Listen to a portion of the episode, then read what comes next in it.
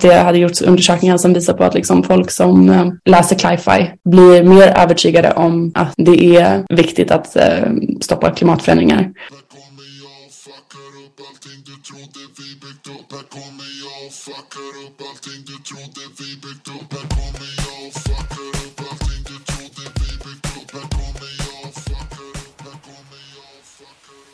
Hej och välkomna till podcasten Om och Men, där vi reder ut det ni tycker är krångligt och krånglar till det ni trodde redan var utrett. Med mig, Vincent Flink Amlenäs.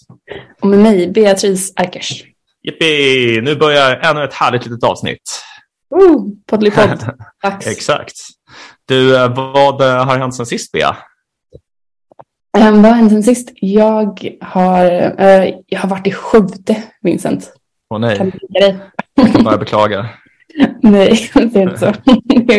Folk från Skövde kommer lyssna på den här podcasten kan jag säga. Åh nej, människor i Skövde är arga på oss. Åh, vad ska vi göra? Åh nej. Ja. Alltså du som stockholmare nu. Skövdeborna, de som är så kompetenta och har så mycket makt. Och, ja. De har ju en militärbas där i alla fall. Det, Mm. det kanske är något att... Och, Ja. Det var Det låter sig lä- läskigt. Jag, jag Ja. vet inget om Skövde, jag vet inte var det ligger. Men... jag antar att det är i Sverige. Då, men... Två timmar tåg från Stockholm. Så Ja. eh, jag var där på 30-årsfest i, i Ja. Men, ehm, nej, men så, så det var trevligt. Jag åkte tåg ut eh, och tåg tillbaks ganska, ganska eh, snabbt och smärtfritt. Eh, men absolut trevligt att, att vara i Skövde. Eh, Mm. det är, jag ska säga att det är ganska bra att komma ut ur sin Stockholmsbubbla, måste jag Mm. säga. Men alltså, Jag jag, faktiskt, jag har varit runt väldigt mycket i småstäder, alltså under Mm. läkarprogrammet. Mm, Eh, det. man blir utkastad liksom. Så jag har ändå varit i liksom, uh, Hudiksvall, Västerås, Eskilstuna. Um, alltså jag har varit runt och bott lite på alla möjliga ställen. Nyköping. Jag tänker att Eskilstuna ändå är en av Sveriges största städer. Alltså Eskilstuna är ett av mina största trauman, Bea. Det var en fruktansvärd plats. Eh, men uh, alltså, jag, jag kan bara sticka in och berätta. Alltså, det, alltså, så här, det största flyktingboendet i Eskilstuna under flyktingkrisen 2015. Det var liksom så här, det var, det var så låg standard. Det var liksom ohyra där, kackerlackor och sånt där. Så att de, de fick, in, de fick liksom näringsförbud. De var så här, ni får inte bedriva er verksamhet. Det här är för låg standard, till och med för de här krigsflyktingarna från Syrien. Och Mm. då konverterade de det till ett boende för läkarstudenter. så när, när läkarstudenter åker till Eskilstuna för att göra praktik på sjukhuset, då får de bo på det som heter Hotell Eskilstuna, som är ett före detta flyktingboende. Eh, och, alltså, det här är så, jä- alltså, det är så låg standard. Och det värsta är också att man får liksom ett kort där man kan blippa in sig till sitt rum. Men varje kort kan öppna varje rum. Så men vem som helst kan komma in i ditt rum när som helst. Mm. Eh, ja. Stressigt. Du får blocka med en stol. Ja, typ. Det var det typ på den nivån. Alltså, Nu jag, jag, har, jag har en kompis som är så jävligt, han är sjukt bitig. Liksom. Han är så Mm. här, ganska kort och liksom, han, han är byggd som en kub. Han är så här, lika, lika bred som han är lång och har så ett jävligt fett skägg. Liksom. Eh, Men han är liksom världens snällaste person, så här, jätteförsiktig och lugn. Men han, han ser liksom livsfarlig ut. Han ser ut som att han skulle kunna krossa ens huvud under sin arm. Liksom. Mm. Eh, och han, han är också så jävligt förvirrad. Så när han, när han fick sitt kort så var han så här, eh, han gick in i sitt rum, lämnade sina grejer, sen gick han ut och promenerade. Sen när han kom tillbaka så var han så här, bara, shit, var är det jag bor? Så här, fan, jag har glömt. Så jag bara, ja, men jag tror verkligen att det var här. Så här, jag gör ett försök, så här, jag går in. Och han visste ju inte att kortet går till alla. Så, här. så han bara, ja, yes, det var rätt. Så går han in. Och så sitter det liksom en, men typ en, en kvinna som inte ser ut att vara från Sverige, som sitter halvnaken på sängen och diar sitt barn. Oj. Eh, och hon tittar så här förskräckt på den här liksom, synbarligen livsfarliga mannen Mm. eh, som stirrar på henne typ. Och han, han blir så chockad av att se henne där. Så han backar, han säger ingenting. Alltså, så här, en vanlig person hade ju sagt typ så här, men gud förlåt, herregud, förlåt, jag är så ledsen, jag trodde det här var mitt rum, jag, jag, jag är hemskt ledsen, förlåt. Så här. Men han Mm. säger ingenting. Den här bara backar ut så här, tyst och stänger, stänger dörren bakom sig. ja, eh, så sjukt. Men, eh, Men- ja, Anmärkning. Diar säger man väl inte om människor, eller? eller ammar, whatever. Ja. Ja. mm. ja, nej, jag hade inte tyckt, eh, jag hade blivit ganska förskräckt tror jag. Om man inte får någon sån, åh gud, förlåt. Ja, eh, alltså, man blir bara rädd bara man ser honom liksom, i vanliga sammanhang. Så, eh, ja. Ja. Ja, vi brukade Ja. kalla det för exiltuna på läkarprogrammet. Exiltuna. Mm. Vet du, jag googlade städer nu, Sveriges största Ja. städer. Du nämnde Västerås också va? Ja. Vet du vilken plats det är på då? Uh, Okej, vänta, ska vi tänka. Vi har fyra Uppsala. Uh, sen gissar jag att Örebro är före. Uh, Linköping. Kan det vara åtta? Det är på plats sex faktiskt. Det är större Oj. än Örebro och Linköping. Ja, jäklar. och Eskilstuna är på plats 19. Så, Fattar. mm. Shit vad stort Västerås är, det visste jag inte. Nej, inte jag heller. Mm. Det är ingen stad jag tänker jättemycket på. Nej, Um, nej men, men kul. Ja, men så det. Och sen så en annan sak jag har gjort faktiskt är och um, jag, jag nämnde ju att jag var i Wien över nyår Mm. och uh, började läsa en, en bok som um, Christer Sturmark pratar om i vårt uh, avsnitt med honom. Mm. Um, uh, Vinkretsen. Ja, uh, vad, vad hette han? Sigmund? Uh, Sigmund Freud. Nej, nej. Nej, ja. Carl Sigmund. Carl Carl Sigmund. Sigmund. Just det. Ja, Just det. ja. Ja, jag vill också läsa den, Eh, den verkar asbra. Ja, men för det, det tänkte jag säga att du får, du får läsa den också. Um, de, de, eh, de nämner bland annat till exempel Ludwig Wittgenstein ganska mycket. Mm. Eh, och man blir väldigt sugen på att läsa hans ehm, filosofi när man eh, läser boken. Så jag tänker ett Wittgenstein-avsnitt också. Ja, eh, jag har läst hans två, han har ju bara skrivit två egentliga böcker. Ja, ja. Um, jag tyckte att Mm. filosofiska undersökningar tyckte jag jättemycket om. Mm. Uh, att Traktatus tyckte jag var väldigt konstig, liksom, oklar bok. Men du, du kommer säkert ha jättestor behållning av eh, vinkretsen. Mm, så du kanske också får läsa den så kör vi ett avsnitt. Lätt. Det skulle vara kul. Nice. Eh, Vi borde ha med uh, Christer Sturmark i alla våra avsnitt. Ja, han får bara... Vi kommer inte få säga så mycket då tror jag. Nej, men det var, det var ganska kul. Jag, jag tyckte det var... Ja, han var en väldigt fascinerande person. Det var väldigt kul Ja. att, att göra ett avsnitt med honom faktiskt. Ja, absolut. Ehm, nej men ehm, vad har du gjort sen senast? Uh, ja, alltså, jag har börjat läsa de här Knausgård-böckerna, Min kamp. Jaha.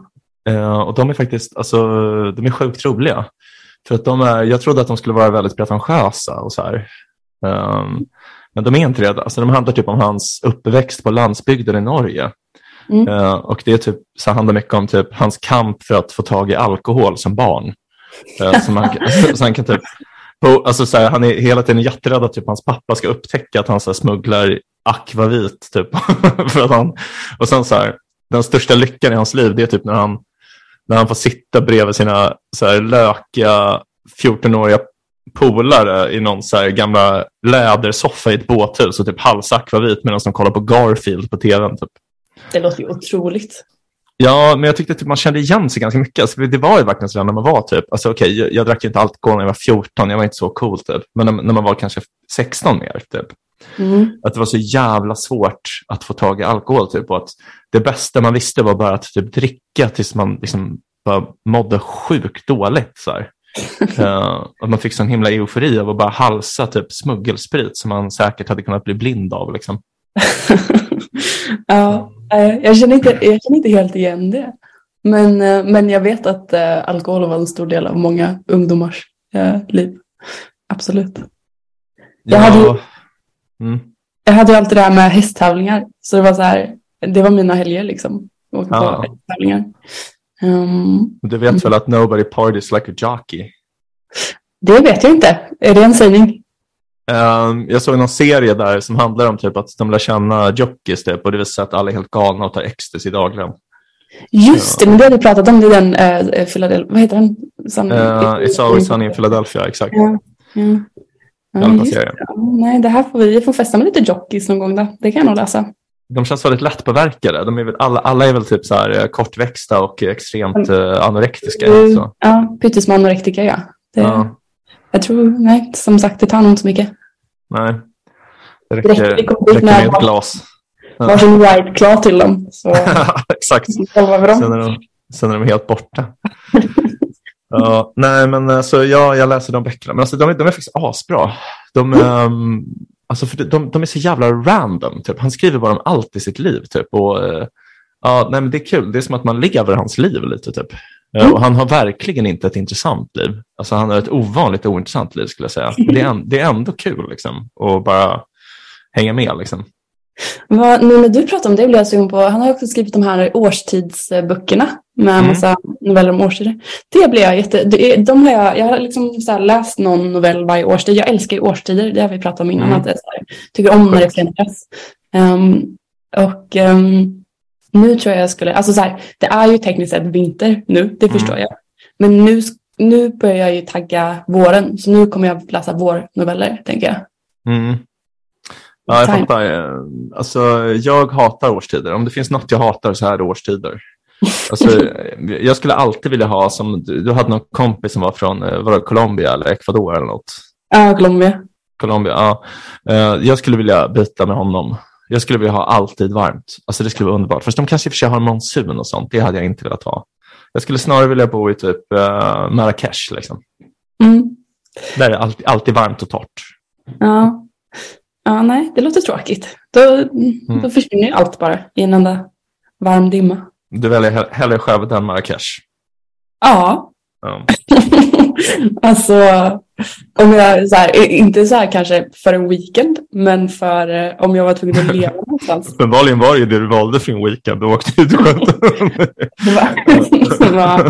Det var, inte lika mycket som lockade och drog i Marrakesh. Det var inte, någon, inte en kompis som hade 30-årsfest. nej, nej, rimligt, rimligt. Mm. Ja, jag fyller ju 30 här om några dagar så jag kanske får ta en spontanare till, eh, till eh, Marrakesh. Ja, just det. det. Du ska ju ut och resa, det vet jag. Ja, det är sant. Det är sant. Till Amsterdam. Exakt, Amsterdam. Jag Mm. ska åka dit med min tjej. Uh, fira min 30-årsdag på en väldigt exklusiv restaurang som heter Fyrtornsön. Oj, oj, oj. De hämtar en vid kajen klockan 18, sen kör de ut till en privat ö. Där är en set menu för typ åtta gäster. Um, Ja, men Ja. Det låter som en väldigt spexig födelsedagsaktivitet. Det låter ja, perfekt. jag är väldigt taggad faktiskt. Mm. All Mm. right. Jag, eh, jag inväntar inbjudan till min 30-årsfest då. Ja, men den kommer i Mm, mars eller sånt där. Mm. Okej, men ska vi gå in på dagens uh, ämne eller? Absolut. Mm. Eh, fiktion är dagens ämne. Och eh, det är väl... ehm, jag, tänkte, jag, jag känner kluven mellan att säga att vi har berört det mycket eller att vi inte har berört det särskilt mycket. Och de flesta böcker och sånt vi har läst inför podden är ju icke-fiktion, alltså non-fiction. Ehm, men vi har ju också haft till exempel ett avsnitt om Lena Andersson och nu förra om Dostojevskij. Mm. Ehm, så vi har absolut berört fiktion.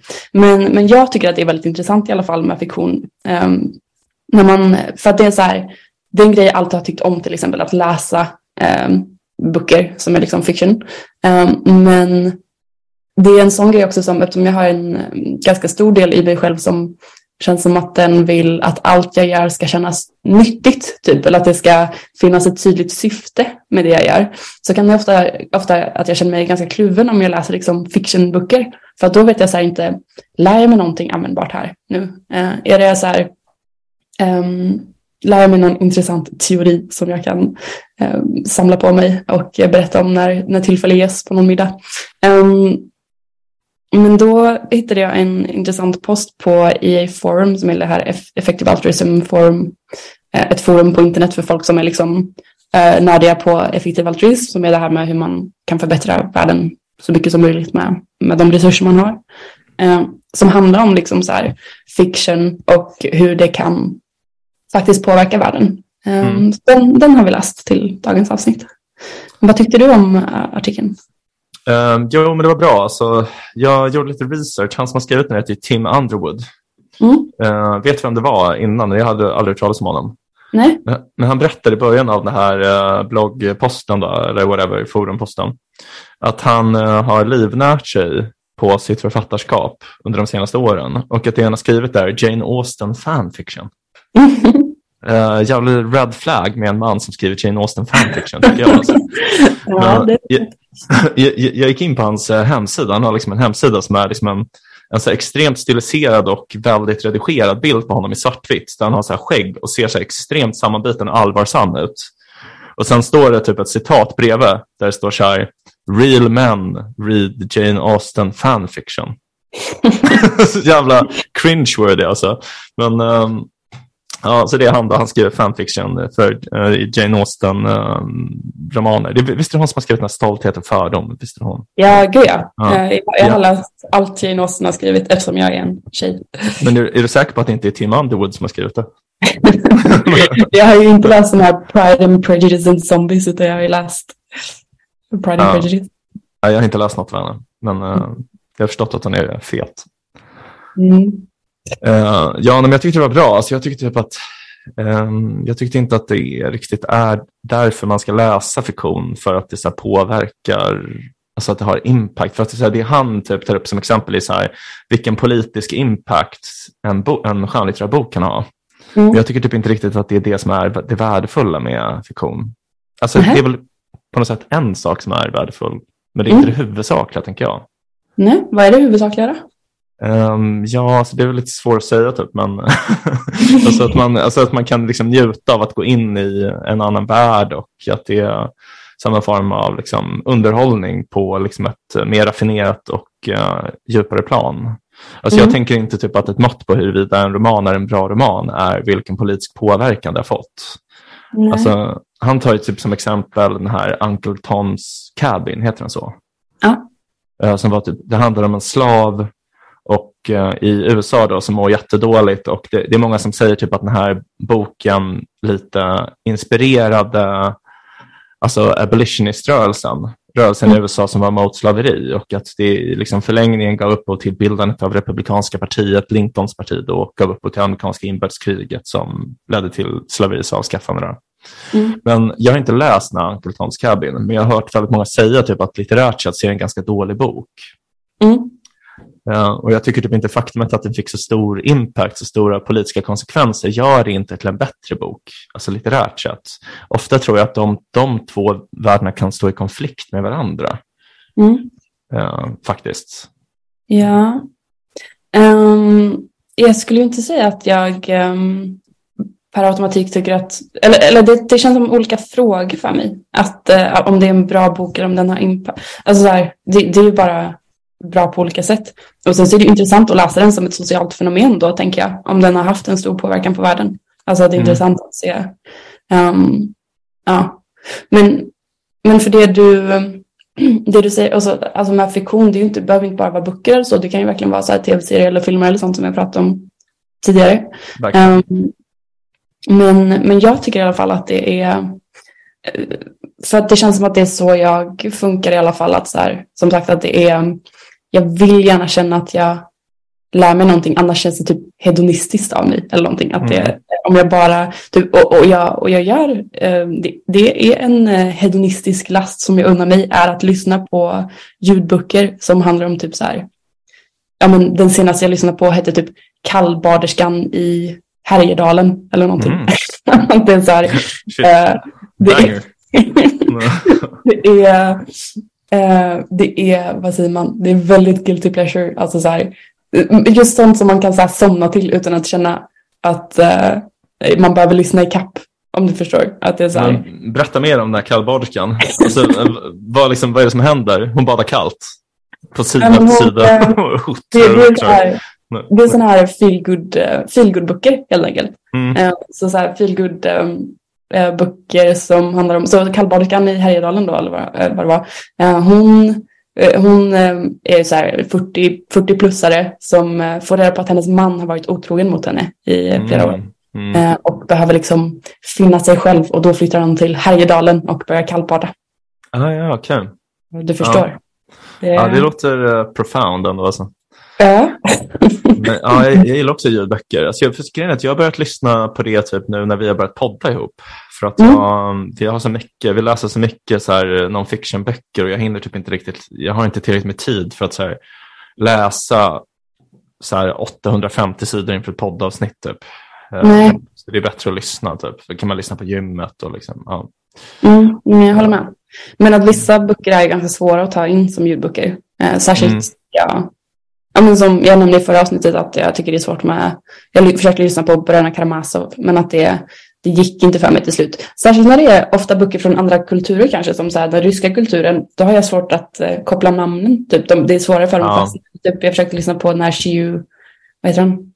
Liu Xixin eller någonting. Um, han som um, kinesisk science fiction-författare som har skrivit den här The Free Body Problem och, och de Ah. Och det var också så här, um, den blev jag tvungen att läsa fysiskt till slut för att jag inte, jag kan inte, namnen fastnar inte för mig. Eh, för att jag, jag har liksom inte de här kinesiska namnen i min eh, i katalog. Namnkatalog på något sätt.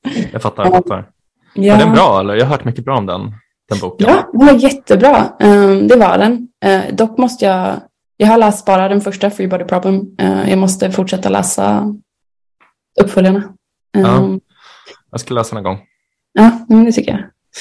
Um, ja, nej, men så, så jag tycker ändå så här, jag håller med om att det, det finns ett, eh, någon sorts så här högre nöje och jag, jag vill verkligen så här uppvärdera det. Som jag tycker att det är jättebra att bara läsa för, för att man finner det njutbart eller för att man liksom, um, ja, man också säkert så här kan, eh, det, det jag tänker så här som läsning, jag läste extremt mycket när jag var yngre. Och att läsning har gett mig väldigt mycket. Eh, särskilt i den, liksom, om jag jämför mig själv med någon som inte läste mycket. Eh, men som växte upp liksom, på den platsen jag växte upp på, som är liksom, svenska landsbygden. Det är ganska, ett ganska homogent samhälle, liksom, eller i alla fall var på 90-talet. Um, ehm, och det, det jag tänker att läsningen framförallt gav mig då var ju att bredda mitt perspektiv och att se att ja, just det, man kan leva så här, man kan leva så här, det finns de som gör så här. Att man, um, ja, att man fick, um, uh, fick en bredare syn på, på världen och en bredare katalog, liksom, referenspunkter Mm. överlag. Så det tänker jag absolut. Och sen så är det just det här med så här, um, ja, men klyschiga saker som så här läsförståelse är ju jättebra att ha, tänker jag. Mm. Um, och, att, eh, och att ha vanan att läsa, att det inte blir jobbigt att ta in information på det sättet. För det är ändå ett väldigt effektivt sätt att, um, att ta in mer komplex information, tänker jag. Ja, nej men absolut. Jag menar, alltså, man får nog ut jättemycket av det eh, jämfört med folk som typ aldrig läser. Mm. Men det som är intressant då i, i den här mm, forumposten så debatterar han ju kring liksom hur det faktiskt kan göra skillnad att så här producera fiktion. Eh, för för det, han diskuterade utifrån så här, borde vi typ producera fler fictional verk som framställer de här effektiv altruism-idéerna som kan liksom hjälpa dem på vägen. Mm. Eh, så till exempel som inom effektiv altruism att man tycker att existentiella risker är ett stort problem. Så till exempel att man tycker att det känns, eh, eller att det inte är bra att, eh, att vi hotas av eh, kärnvapenkrig till exempel. Och att då fiktion som framställer just så vidden av vilket extremt problem ett kärnvapenkrig kan vara och hur, hur det verkligen påverkar faktiska människor. Eh, Att det är ett sätt som man kan få folk som kanske inte annars rent teoretiskt går igång på den idén, att gå igång på den idén. Han har till exempel exemplet, jag tror det var Ronald Reagan, eh, ja, att han hade blivit mer emot kärnvapen efter att ha sett eh, någon, någon film som hette The Day After. Mm. Eh, men så, så då till exempel menar han att fiktion kan, eh, kan vara bra. med-.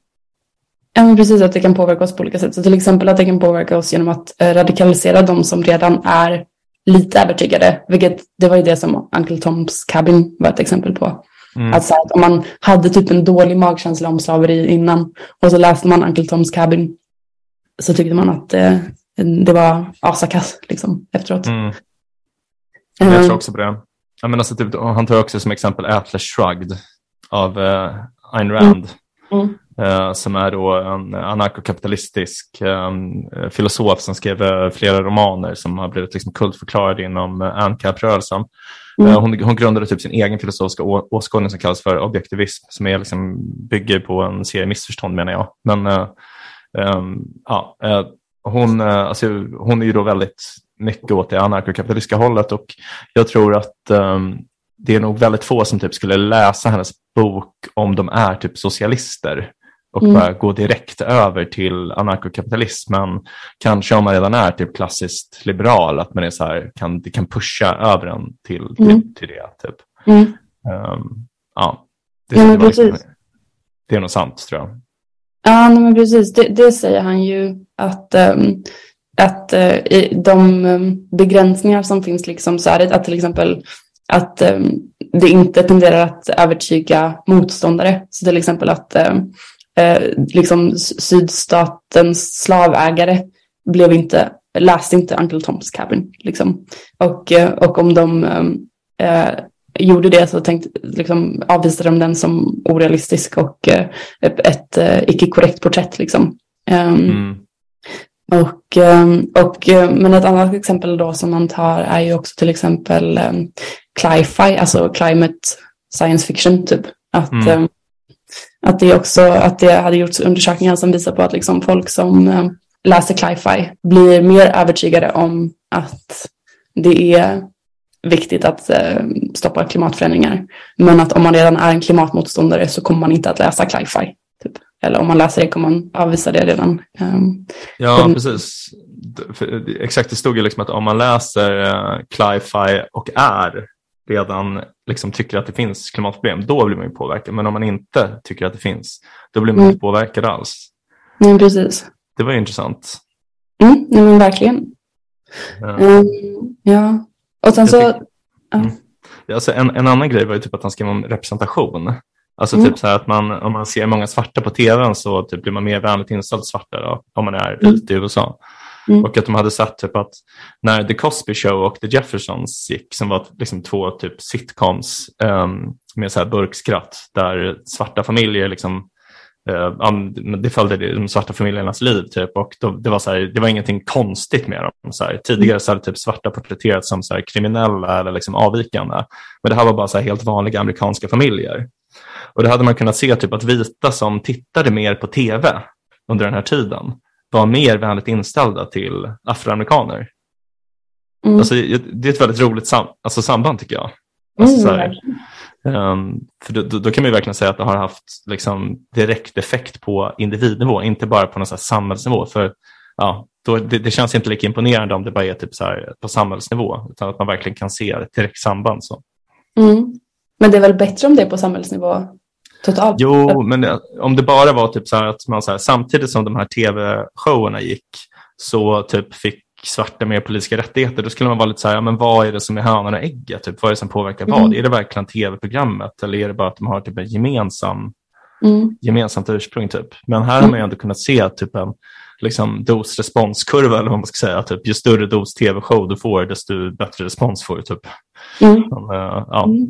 Nej, men det, det är supersant och det är också så här kul med, eller han, för det, det exemplet han tar där är ju att det att fiktion kan vara bra för att eh, bygga empati för liksom olika sociala grupper och representation är ju en sån sak som känns väldigt het just nu eller som att det är väldigt mm. så här, mm. diskuterat och väldigt eh, um, att det har blivit en sån grej som social justice-rörelsen trycker väldigt hårt på till exempel.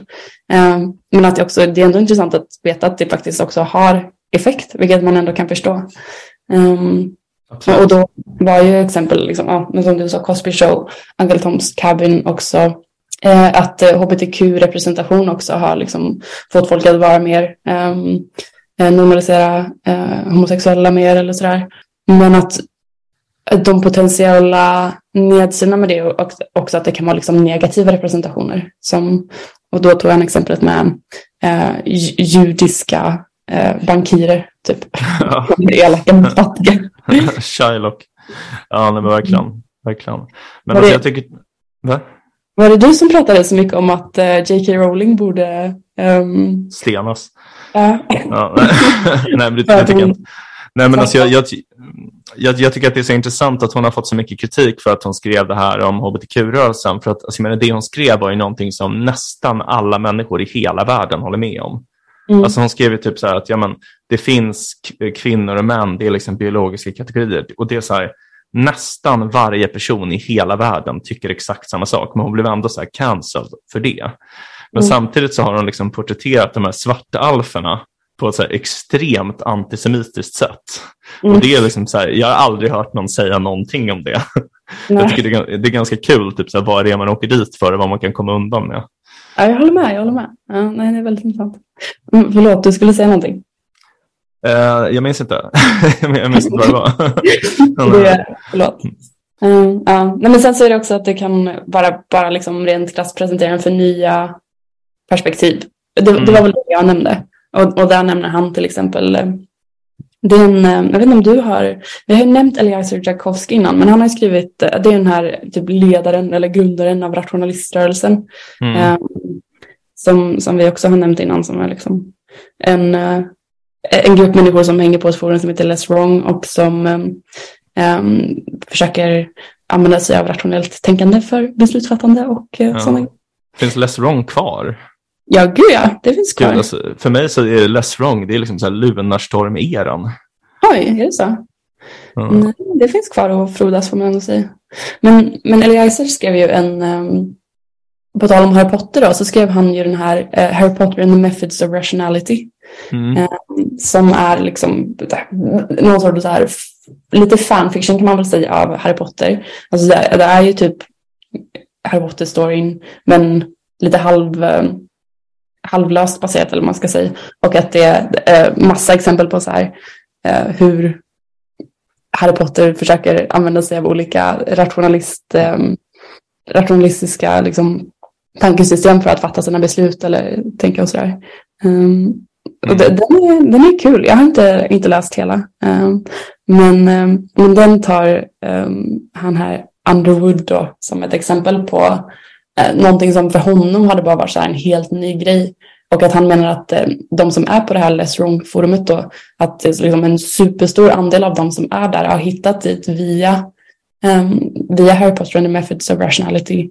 Och att det är, jag menar, att det då blir ett bevis på att liksom så här, du kan exponeras för en ny idé via fiktion och sen så är den, den idén påverkar dig jättemycket om du plötsligt får ett socialt sammanhang där du umgås med en massa rationalister eller liksom hänger på ett forum där man bara pratar om liksom hur man ska tänka så rationellt som möjligt. Att det, det är Mm. tydligt påverkan på verkliga världen utifrån ett fiktionsverk. Ja, precis. Men man skulle kanske kunna säga typ att den påverkan är negativ eftersom det här ledde till att de kom på det här Roccos basilisk eller vad fan det är. Det, det är väl från Less Wrong, det här tankeexperimentet som om man får höra tankeexperimentet så riskerar man att bli plågad i evigheter. Just det, just det. Var det Ja. på Lesbos det kom upp? Ja, Jag tror, jag tror att den här Rocco var någon slags Less Wrong person, han som kom på det här. Men Mm. ja, jag vet inte. Ja, men eh, ni får googla det, Roccos basilisk hörni, om ni vill förstöra ert liv potentiellt. Ja. Jag, eh, jag kommer inte ihåg det, så det verkar inte ha förstört mitt liv. Eh, Även om jag tror att jag har läst. Jag, tror att det, jag tror att det är något så här typ att det, i framtiden så kommer det finnas AI eh, som är liksom extremt mycket mer mäktiga än vad vi är.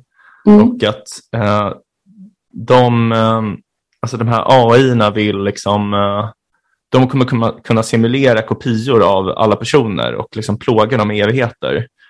Och eh, de vet så här att för att de ska kunna skapas så eh, kommer de liksom hota personer att så här, om de inte ägnar all sin tid åt att ta fram den här AI innan den finns så kommer de, när den väl kommer att finnas, så kommer de att bli straffade genom att bli simulerade och plågade. Liksom. Mm. Eh, och att det är på något sätt, när man har insett det här, då är man liksom föremål för det här hotet från den här AI som ännu inte skapats. Typ. Mm. Eh, Så att säga, om, man har, om man har hört det här tankeexperimentet och inte bara överger allt för att arbeta på den här basilisken, Mm. då blir man straffad av den. Liksom. Så nu har du fuckat upp för väldigt många här. Ja, precis. Nej, men jag, tror inte, jag tror inte att det är sant. Men, men eh, ja, han, han kanske tror den här Eliezer Judkowski. Han verkar ju vara superrädd för, för undergången. Ja, gud, han menar ju att vi är dömda redan. Ja, segt.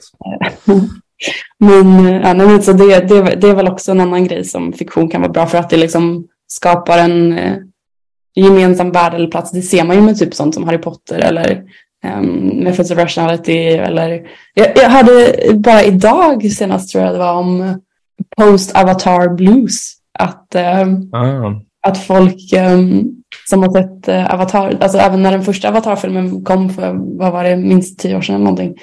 ehm, att ehm, folk som hade sett den blev liksom lite deppiga efteråt. Ehm, för att den var så Alltså- bra, eller? ja, att de tyckte så mycket om den här världen och att det var så här tribal living och det är väldigt mycket back to nature och Mm. ehm, bara vackert visuellt liksom. Ehm, och då, ja, men då tog de ett exempel på en, en kille som berättade om sin upplevelse. Så han hade till exempel ja, men gått och sett filmen jättemånga gånger på bio.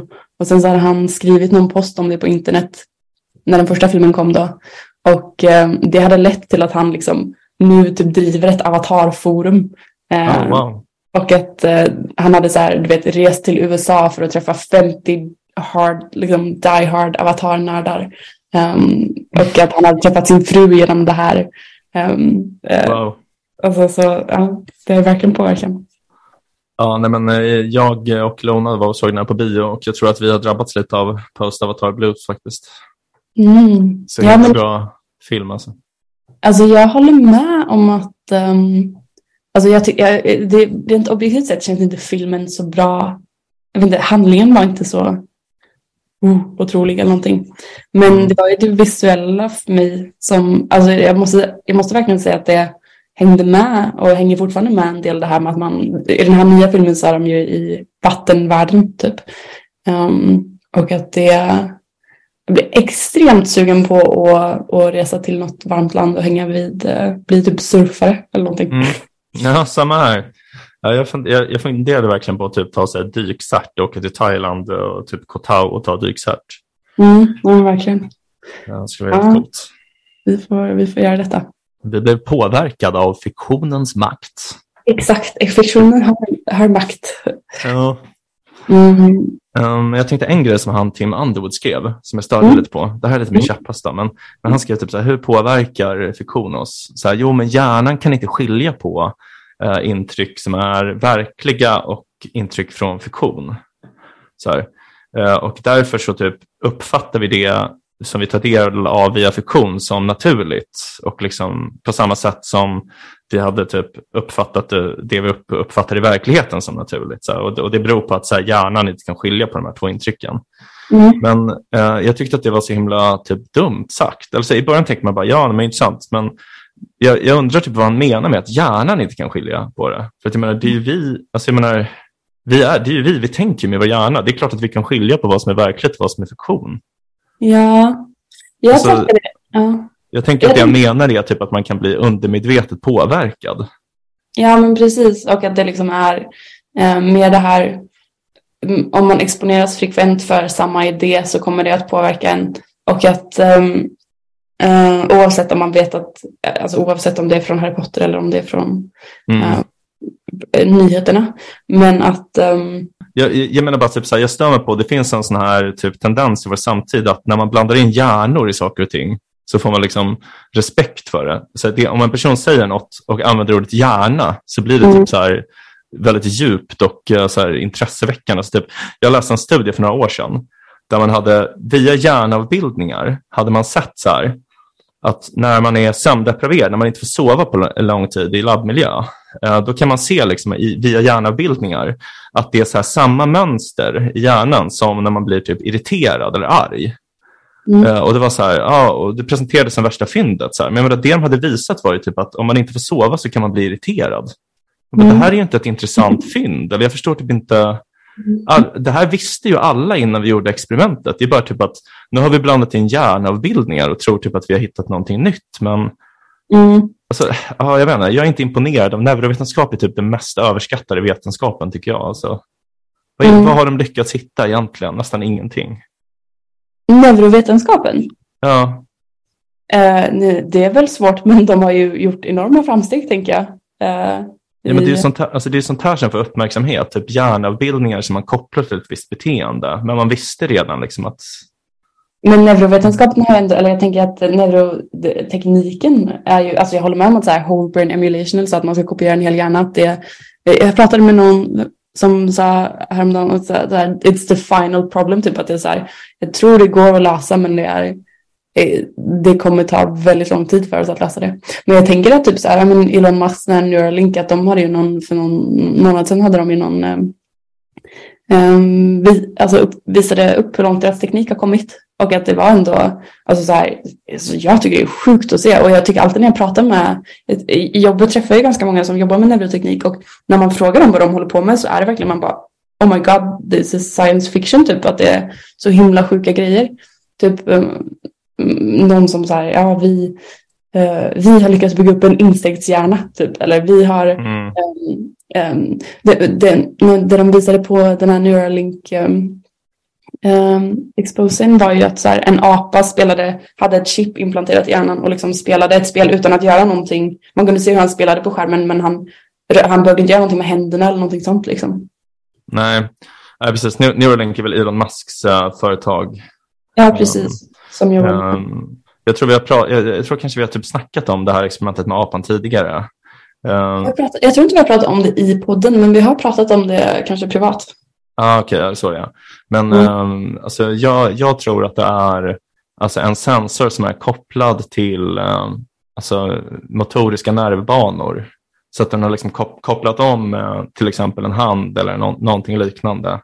Uh, men istället för att styra den här handen, den hand, handen är frånkopplad och istället har man kopplat in en sensor då, som styr en, en, en mus. För det är väl det som är tanken med Neuralink. Eller hur? Ja, måste jag... kunna koppla nerver direkt mm. liksom till... Ja. Mm. Om man ska kunna styra saker med bara hjärnan. Typ. Jo, men alltså, det, det, är väl intressant. Men alltså, jag, alltså, för jag menar, det är liksom en praktisk tillämpning. Alltså, jag tänker mer typ att det är många som framställer typ neurovetenskapliga undersökningar som att de kan förklara andra saker. Alltså inte att de kan tillämpas tekniskt eller så att man kan hitta intressanta ingenjörsmässiga tillämpningar. Utan mer som typ, man pratar om typ skillnaden mellan män och kvinnor till exempel. Eh, och så vet man så att män och kvinnor beter sig annorlunda. Och, och sen gör man typ hjärnavbildningar så ser man att mäns och kvinnors hjärnavbildningar är annorlunda och då tänker man så här, ja men då har vi förklarat. Typ. Då mm. har vi en förklaring, men jag menar att det är inte en förklaring för att det är hjärnan som styr vårt beteende så att det är omöjligt att ha två grupper som beter sig annorlunda utan att det finns skillnader i hjärnavbildningar. Så det är så vi visste redan att det skulle finnas skillnader. Det är typ inte ett intressant fynd tycker jag. Mm. men nej, mm. kanske det. Men, men jag tycker i alla fall att det är intressant att vi är så, att vi har sån teknik, typ, att vi är så nära det. Jo, ja, ja jag vet inte.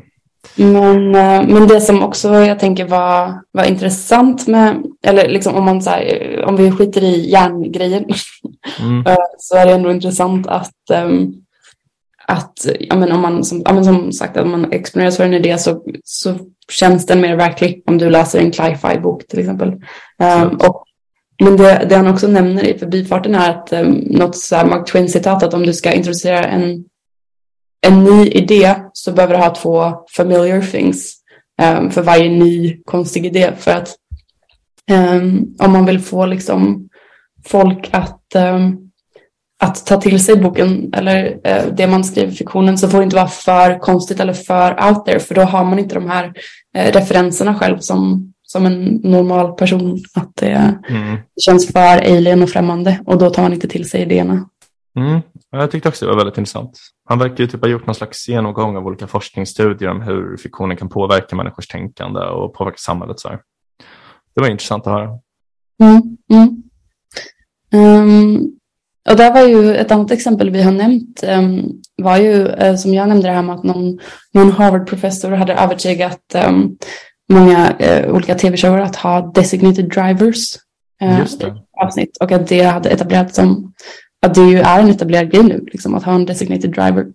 Mm. Um, och om man då tänker på typ hur man skulle kunna använda det greppet eller göra, göra någonting själv, så till exempel jag vet inte, om man normaliserade i tv-serier att alla donerar pengar till välgörenhet och det är liksom någonting alla gör, mm. så verkar det så framstår det plötsligt som någonting så här, just det, det är någonting alla gör. Och då borde jag också göra det. Typ. Ja. ja, det är verkligen sant. Alltså jag tror typ om, eh, om det var ett så här eh, vanligt förekommande inslag i typ alla serier eller alla böcker man läste, då skulle man nog skänka mycket mer själv. Ja, men jag tror det, alltså, och jag tänker att det är så vi har tagit till oss alla de här nya, alltså typ som så här baby shower, bridal, alltså sådana grejer som vi um, i Sverige inte har gjort innan. Eller typ som att plötsligt är Black Friday en grej här. Eller eh, det kanske är att det finns finansiella motiv från, från vissa. Ehm, men att vi ser så mycket på amerikansk eh, kultur eh, via, via liksom tv och film att vi har tagit till oss många av deras seder och det framstår som normalt för oss för att vi har exponerats för det så många gånger via den här kulturen. Ja, nej men verkligen. Alltså det här med baby showers, det verkar så, eller vad sa du något annat förresten? Jag tyckte du sa baby shower. Eh, jag sa baby shower, men jag tänkte också ja. Bridal showers och sånt, att det, det har ju, i den, att man gör det på ett väldigt amerikaniserat sätt också. Att det är så här, mm. men så gör de, så har vi sett att de gör på film och då gör vi också så. Mm, Okej, okay, jag vet inte. Eller jag vet så här, inte vad bridal shower när man, traditionellt i Sverige så är det ju, går ju bruden och brudgummen ner för altargången tillsammans. Mm. Men i den amerikanska traditionen så är det the father of the bride som leder bruden ner. Och Mm. det är väldigt, eh, till exempel när, eh, var det inte så när Victoria gifte sig, att då, då ledde kung Carl Gustav henne ner för altargången för att det ja, man har påverkat Intressant. det. så mycket. Ja. Man tänker att just kungahuset är väldigt så här, traditionstyngt, men att till och med de blir påverkade av USA är ju liksom oroväckande. Ja, men det, det tror jag verkligen att de, de eh, ha, har du följt uh, hela debaclet med kungen förresten? Kung, kungen Gate. Eh, jag har följt lite, ja. Det är lite lustigt. Eller följt, men jag har hört det på radion lite så. Ja, det är um, kungen. Fan, har han satt sig i klistret. Ja, alltså, men jag tycker att det är ganska kul typ att ehm, för att man tycker, alltså så här, de ändrade ju successionsordningen för att modernisera, eller hur? Alltså så att Mm. ja, men kvinnor ska ha samma rätt att vara monarker som män, typ. Mm. Men eh, alltså jag tycker att det är så här, man hamnar på något sätt lite i en logisk eh, slippery slope. För att jag, först- jag förstår typ inte under vilka förutsättningar man skulle ha skäl att reformera successionsordningen, men man har inga skäl att avskaffa kungahuset. Alltså förstår du vad jag menar? Mm. Om man nu ska tänka så här, nej men det här är omodernt att kvinnor inte ska få bli kungar, men, så här, men det är inte hela grejen omodern typ. Förstår du vad jag menar? Så här, jag, tycker, alltså, jag tycker typ inte så här, om man har liksom en, en ärftlig titel som gör att man får liksom extremt mycket pengar av skattebetalarna utan några egentliga krav på motprestation. Så här, alltså, liksom, blir det mer rättvist av att även kvinnor kan få det här? Alltså, det är väl bara orättvist oavsett, tänker jag. Mm. Eller för, förstår du vad jag menar? Ja, men jag tänker att det verkligen är mer så här ehm, vad människor finner moraliskt frånstötande typ och att just det här med att kvinnor skulle behandlas eh, sämre än män, att det har blivit en sån, ett sånt starkt mem i vår tid att det är fruktansvärt. Mm. Att det, om kungahuset skulle representera det. Alltså det här, för jag håller med rent logiskt med vad du säger. Men att jag ändå, ja, jag, jag, kan se varför det har blivit så här. uh, jo, nej, men det, det kan jag också. Ja, absolut. Jag menar bara att det är irrationellt. Men, eh, Ja, men det, det är det. Men det är ju mycket som är kring kungahuset tänker jag. ja. Men jag gillar att de har så stora halsband. Alltså, kungen har, han, han har ju, han har ju liksom en modern kostym. Sen har han ett så jävligt fett halsband som är typ så här 18 ringar runt varandra. Vet du vilket jag menar? wow. Kedjor. Jag skulle vilja ha ett sånt. Alltså bara till vardags typ. Jag fick ju, jag fick lära mig, ehm, ja men det får du, det är ju bara att skaffa. Ja, jag tror också jag ska göra det faktiskt. Jag har berättat, jag berättat att min lillebror har gått sån här högvakt. Ehm, Just det. Alltså att man vaktar slottet. Och då fick jag lära mig lite olika saker om, ehm, ja, men dels så vaktade han på när de hade någon Nobelmiddag, alltså inte, inte den stora Nobelmiddagen men att kungen bjöd Nobelpristagarna på middag inne på slottet och då skulle min lillebror vakta. Ehm, men, um, och det var så här, alltså det jag tyckte var roligast med som min lillebror berättade var att de är ju så här, min lillebror är liksom, han? Ja, 19 eller någonting. Och att eh, det är väldigt många från Säpo där som liksom ska ha koll också. Mm. Och att det står två så här 19-åringar med laddade gevär. Att eh, Säpo är ju framförallt liksom där för att ha koll på 19-åringarna typ. det är så här, eh, han kände att de bara stod och stirrade på honom hela tiden. Eh, och att det var så här väldigt, eh, framförallt det de mest gör är bara att stå stilla. Men om någon av eh, kungligheterna, de måste veta vilka kungligheterna är. Så ifall någon av kungligheterna går förbi så måste de göra den här skildra gevär som är någon grej. Eh, Ja, att man håller fram vapnen. Så. Ja, precis. Ja. Någon sorts antar tecken på respekt. Mm. Och att det, ja, det lät lite stressigt om att man måste ha stenkoll över hela rummet och liksom se, är det, är det en kunglighet, är det en kunglighet? Ja. Och sen, men sen också var det trevligt att få reda på att man kan gå och snicksnacka med vakterna. Um, Mhm. Det gjorde jag några gånger med min lillebror. Då. Um, de får inte prata om så här vad som helst, men du får snicksnacka några minuter med dem om liksom, eh, jobbet. Typ. Mhm. Så om man känner sig ensam någon dag och inte fått någon social kontakt kan man gå ner till slottet och snicksnacka lite. Vadå, man får fråga typ så här, hur har du det här vid din station? Ja, hur, eh, hur funkar det? Typ? Eller, Mm. Vad är nyckeln till vapenförrådet? Eller vad, är, vad är atomvapenkoderna? Eller just det, vi har, vi har inga atomvapen. Eh, jag tror inte 19-åringarna har koll på det heller. Men det är värt ett försök. Ja, men det tycker jag. Ja, men intressant jobb ändå. Alltså jag, mm, jag var väldigt inne på att söka till uh, försvaret när jag var typ 20-21. Mm. Uh, att gå tolkskolan, för jag har en kompis som gjorde det. Mm. Men uh, ja, det blev aldrig av. Jag är typ ganska glad för det, för jag hade tänkt plugga ryska. Det känns som att man hänger lite lös nu som militärtolk till ryska. Att det, om det skulle hända någon jävla skit, att man skulle bli ivägskickad direkt. Ja, ja gud. Det låter ja, risky, risky business. Ja, men vi skulle ju bli, alltså typ all sjukvårdspersonal skulle ju bli tvångsplacerade. Är det så? Oj. Ja, civil äh, värnplikt eller man ska säga. Jaha. Ja. Det var någon snubbe från Myndigheten för samhällsskydd och beredskap som var när jag jobbade på mitt förra jobb som var där och föreläste och bara ja, det här skulle göras om till ett akutsjukhus sannolikt och mm. ja. Ja, där, där har jag duckat en kula. Jag tror inte de kommer tvångskalla in idéhistoriker. Ja, säg inte det alltså. Alla behövs. Vi kanske mm. får göra uppmuntrande poddar eller något sånt där. Live-poddar för styrkan. och åka till fronten och prata om Robin Hansen. Och... Läsa The Art of War eller någonting och peppa. Ja, exakt. Och missförstå allt. Ge ja. jättedåliga tips. Bli anklagade för att gå ryssarnas ärenden. Säkert. Mm. Men ja. Eh, Ska vi, eh, kan vi försöka bara några, några fler grejer kring, kring fiktion då, som liksom hur, hur det här, förutom att man kan podda eh, om viktiga mm. eh, frågor såklart. Eh, men att det är eh, hur man kan använda det, eller liksom vart det kan, vad som är utmaningarna. Ja. Eh, och då, då säger jag till exempel att um, det är democracy counts numbers, not intensity. Så till exempel att man radikaliserar fler människor behöver inte nödvändigtvis betyda till att liksom, um, det blir politisk förändring på det sättet. För om man skulle uh, ha en omröstning om det så, så kommer inte det nödvändigtvis innebära att uh, även om folk, det finns en mindre grupp människor som tycker extremt starkt om något så behöver inte det betyda att det kommer synas i valet. Liksom. Nej. Nej, men det är en väldigt bra poäng. Alltså att, mm. um, ja, det är väldigt svårt att påverka saker via demokratin. Det tar extremt lång tid. Ja. Jag tycker typ att det är en av de bättre sakerna med demokrati. Att det är så svårt att få till extremt radikala samhällsförändringar. Jag håller med om att det, alltså det finns en poäng att demokratin är trögflytande. Däremot känns det som att det, det, den poängen gäller i 99 procent av fallen men att det finns en procent där det är cases där det kommer gå, typ jag tänker att AI-policy är en sån grej. Och jag tror att det kommer gå alldeles för långsamt nu. Um, och att vi kommer hamna på uh, att vi kommer få lida för det, tror jag. Ja. Vad tror du kommer hända då? Liksom? Vad är det man ska förbereda sig på? Men det, det vill jag inte spekulera ja. i uh, nu, utan det skulle jag nog hellre vilja läsa på lite mer för att prata om i ett annat avsnitt. Ja, nej men, uh, fine.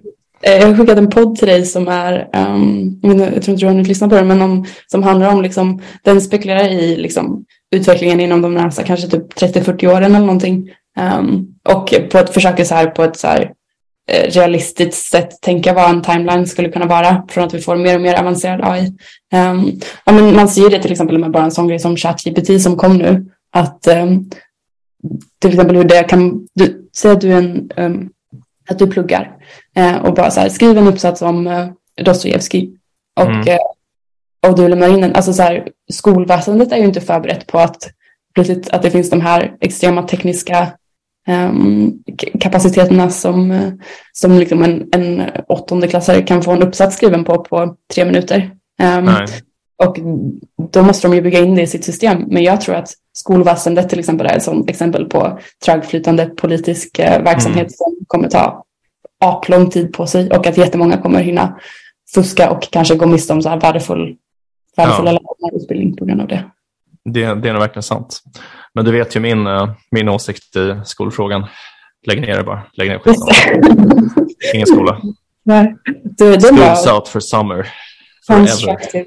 Ja, absolut. Ja, och sen så en annan sån, eh, om man eh, ska återgå till liksom vad, det var, vad det är som kan gå, eller vad bristerna är, så är det att, att även om man kan få någon att så här, känna lite starkare för klimatfrågan, eh, helt plötsligt så, så är det temporärt. Liksom. Vi glömmer, vi får mm. vi börjar tänka på andra saker. Um, jo, det är sant. Det har en begränsad, eh, begränsad påverkan helt enkelt. Mm, mm. Ja, nej men, um, alltså man blir lite taggad på typ, att göra så här, uh, försöka skriva en roman som, är, så, så får så stor impact som möjligt. Så här, inte som är så bra som möjligt. Mm. Uh, när jag läste det så tänkte jag typ att det skulle vara kul att bara försöka typ, få spridning. Jag tänker att man måste liksom skriva på engelska då. Mm, ja, om, det... om, om, det inte är någon fråga som rör just Sverige. Alltså typ, mm. ja. Mm. Jag intressant tycker jag. Ja, men jag tycker det känns som en väldigt kul, eh, en kul fråga att ställa sig. Vi har, vi har en gemensam bekant som um, ska, uh, ska att skriva lite sci-fi nu uh, från det perspektivet. Um, ah, gud vad kul. Det är att följa. Ja. Ja. Men att det, det ska bli kul. Ja, nej, men verkligen. Ja. Och andra, de två sista grejerna han nämner är att uh, man också kan typ deprimera folk för mycket för att de ska orka agera. Till exempel mm. om det de framställer det som helt omöjligt att vi någonsin, det är bara en så här, uh, the day after tomorrow, men jorden går under bara och vi kan inte göra någonting. Um, eller att man också kan få backlash från, um, från många olika um, porträtt, till exempel. Det är någon, han, han citerar Robin Hansen, eller han, det är någonting han nämner mm. om Robin Hansen, att man inte ska Eh, Robin Hansen har sagt att man liksom, um, du kommer att vara som mest effektiv uh, att, att påverka debatten i en riktning um, om det inte finns en väldigt starkt etablerad opposition. Alltså så här, ah, ja. Um, ja, jag kommer inte kunna påverka Trump-rörelsen.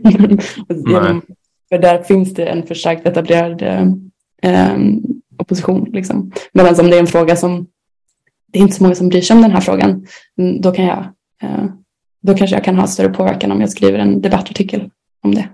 Ja, nej men absolut. Om man är liksom bland de första som skriver i frågan så kan man liksom sätta sin prägel på hur hela debatten framas. Mm. Det är sant. Det är sant. Och att den antagligen då inte är politiserad bara på det sättet. Liksom. Och att det, ja. det är ofta där det tar stopp. Mm. Nej men uh, true. True that fan. Mm, true that. Ja, nej men fan eh, rolig, rolig liten post och mm. Eh, fiktion, vilken grej alltså. Vilken jävla grej. um, har du något mer eh, spännande fiktion? Jag känner att jag har um, tömt, uh, tömt mitt förråd av roligheter för den här gången. Ja, men jag har kanske också tömt mitt förråd. Um... Ja.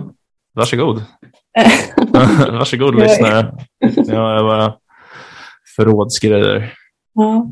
Nej, men, men jag tycker bara det är kul och att um, jag ska, det, det är bra att vi pratar om det nu. Nu ska jag fundera lite mer på, ännu mer på fiktion och hur det har påverkat mig och vad man så här, lite så här, lite strategiskt välja vad man läser för fiktionsböcker nu kanske. För jag läser, mm. jag läser ju vanligtvis bara eh, non-fiction när jag läser. Men det vore kul att så här, lite strategiskt välja typ ja, Dostojevskij kanske mm. och se om det kan ha någon påverkan på mig. Ja, alltså, jag hoppas att det är meningsfullt att läsa fiktion för att annars har jag slösat bort hela mitt liv. Så att, ja, uh, det är typ allt jag gör liksom, så fort jag får lite tid över. Läser någon, någon som har suttit och ljugit ihop en berättelse. Jag vet inte riktigt varför jag är så intresserad av det. Mm. Det känns ganska dumt när man tänker på det. Liksom. Det har ju inte hänt på riktigt. Liksom. Men, men ändå. Ja, nej, vi får hoppas helt enkelt. Annars har vi båda slösat bort eh, stora ja. Meningslösa liv. Ja. Men, men, eh, då så. Eh, med de orden så får vi tacka för att ni har lyssnat på ännu ett härligt litet avsnitt av podcasten Om och Men där vi reder ut det ni tycker är krångligt och kanske även passar på att krångla till det ni trodde redan var utrett. Nästa vecka kommer vi snacka om någonting helt sjukt. Jag yes. fuckar upp allting du trodde vi byggt upp. Här kommer jag och fuckar upp allting du trodde vi byggt upp. Här kommer jag och fuckar upp allting du trodde vi byggt upp. Här kommer jag och fuckar upp, här kommer jag och fuckar upp. Vi har en mejladress om och men at gmail.com om och men gmail.com. Hör gärna av er om ni har några förslag på ämnen vi kan ta upp i podden eller om ni undrar något. Vi kommer att svara på alla mejl. Tack för att du har lyssnat. Vi hoppas att du vill lyssna även på nästa avsnitt som kommer på måndag.